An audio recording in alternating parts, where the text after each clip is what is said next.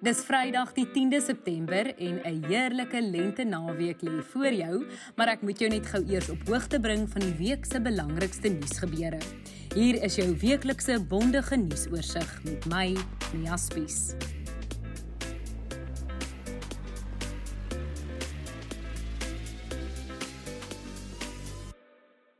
In 'n netedop is oud-president Jacob Zuma vrygelaat en sy korrupsieverhoor is uitgestel. Die ANC dank Kaal Neus af. Suid-Afrika hou 1 November munisipale verkiesing. Gesprekke is aan die gang om die inperkingsmaatreëls te verslap. Suid-Afrika doen COVID-19-enstofproewe vir kinders en ABBA is na 40 jaar terug. Net voor ons begin, as jy elke Vrydag hierdie podcast in jou WhatsApp inbox wil kry, druk net op die skakel in die plasing hierbo. Hoofnuus is dat mediese parol aan oud-president Jacob Zuma toegestaan is. Hy was enkele dae in die Escort gevangenis in KwaZulu-Natal nadat hy in Julie tot 15 maande tronkstraf gefonnis is vir minagting van die hof. Dit omdat hy geweier het om voor die staatskapingskommissie te verskyn. Kort na sy inhegtenisneming in Julie is hy in die hospitaal opgeneem en minder as 2 maande daarna is hy Sondag op mediese parol vrygelaat. Die kommissaris van die departement van korrektiewe dienste, Arthur Fraser, het in 'n onderhoud met die SAIK bevestig dat hy die besluit geneem het om Zuma op mediese parol te plaas nadat dit deur die adviesraad vir mediese parol afgekeur is. Intussen sou Zuma en die Franse wapenvervaardiger Thales se wapentransaksie verhoor donderdag hervat het.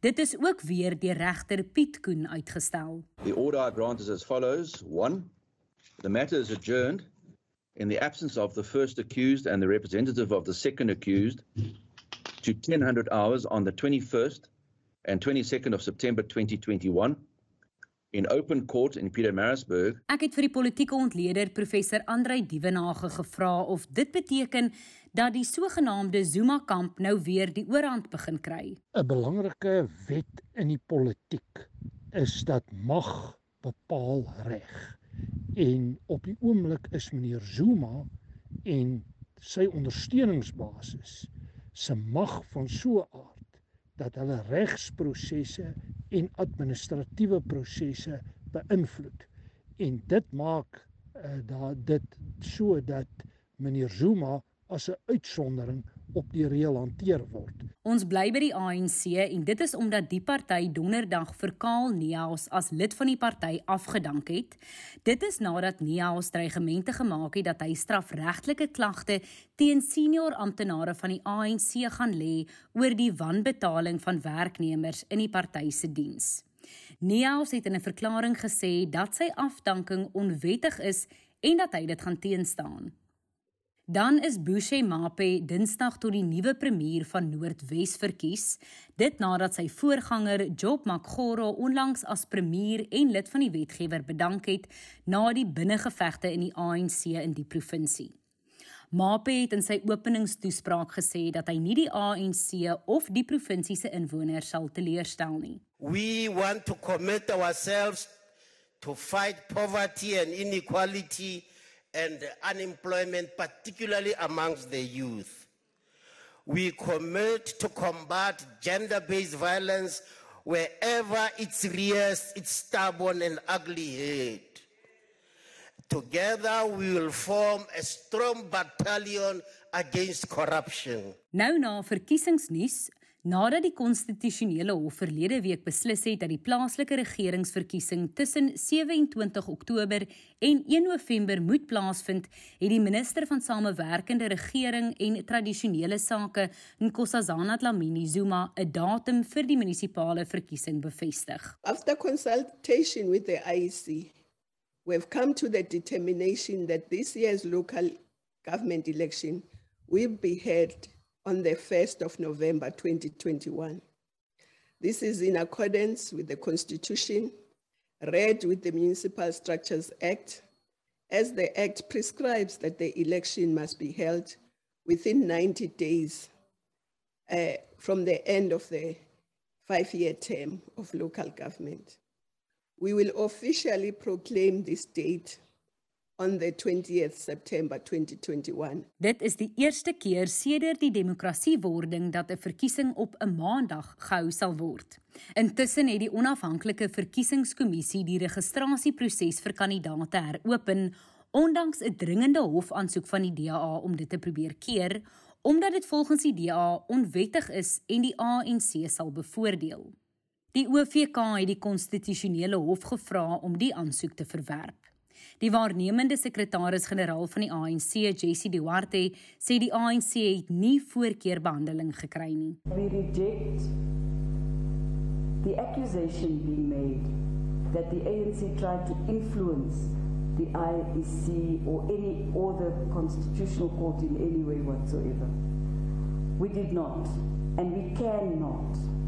We met yesterday with all other political parties in the party liaison committee for the first time with the IEC, and that's enough for us.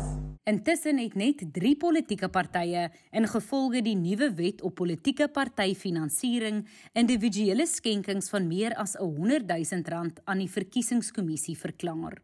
Die ondervoorsitter van die kommissie, Janet Love. The total value of these declared donations in the first quarter is 30 million 8,841 rands and 74 cents.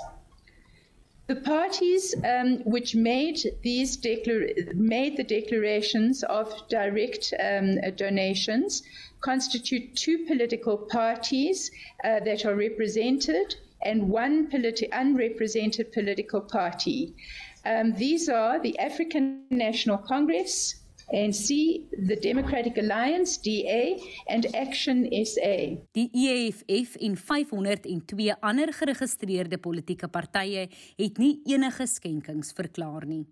Nou na COVID-19 nuus, adjunkpresident David Mabuza het bevestig dat gesprekke aan die gang is oor die moontlike verslapping van inperkingsmaatreëls. We are taking a consultation uh, with some formations in the country.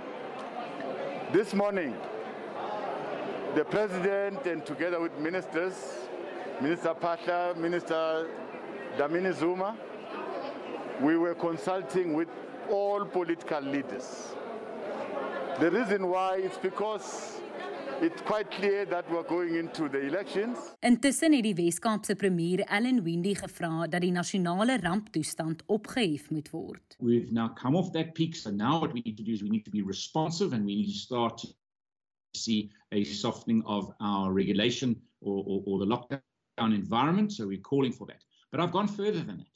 I've actually said that I think it's now time that we end the disaster declaration as a tool for managing COVID-19. Mabuza sê die regering se doelwit is nog steeds om 40 miljoen mense teen die einde van die jaar in te ent. That means every day we must vaccinate more than 250,000 people to 300,000 people every day to be able to reach the target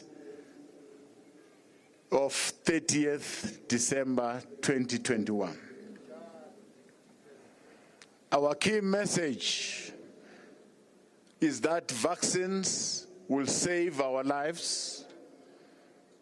The full reopening and recovery of our, our economy will depend on our ability to accelerate our vaccination program. In ander inentingsnuus sal Suid-Afrika van vandag af deelneem aan die wêreldwye COVID-19 enstofproewe vir kinders. Suid-Afrika is 5 lande wat hieraan gaan deelneem. Ongeveer 2000 kinders in Suid-Afrika tussen 6 maande en 17 jaar oud sal aan hierdie proewe deelneem. Nou in sportnuus, die 34 atlete wat Suid-Afrika in Japan tydens die Paralimpiese spele verteenwoordig het, het 7 medaljes huis toe gebring. Luzan Kutse en Tando Mhlangu het elk 2 medaljes ingepalm. Mhlangu het 'n helde ontvangs met sy terugkeer by die OR Tambo Internasionale Lughawe gekry hierdie week van onder meer die Ndebele stam en ook lede van sy alma mater, die Afrikaanse Hoërseunskool. Luister hier. En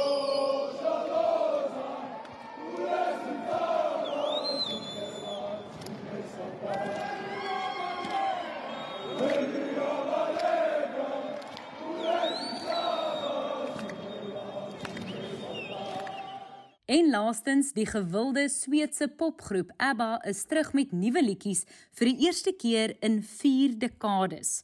Die groep gaan ook 'n virtuele toer hou en goeie nuus vir plaaslike aanhangers. Kaapstad is een van die 8 stede wat deel van hierdie toer gaan wees. Luister hier na 'n deel van een van ABBA se nuwe treffers, I Still Have Faith in You. I still have faith in you. I see it now. Through all these years, that faith lives on. Somehow,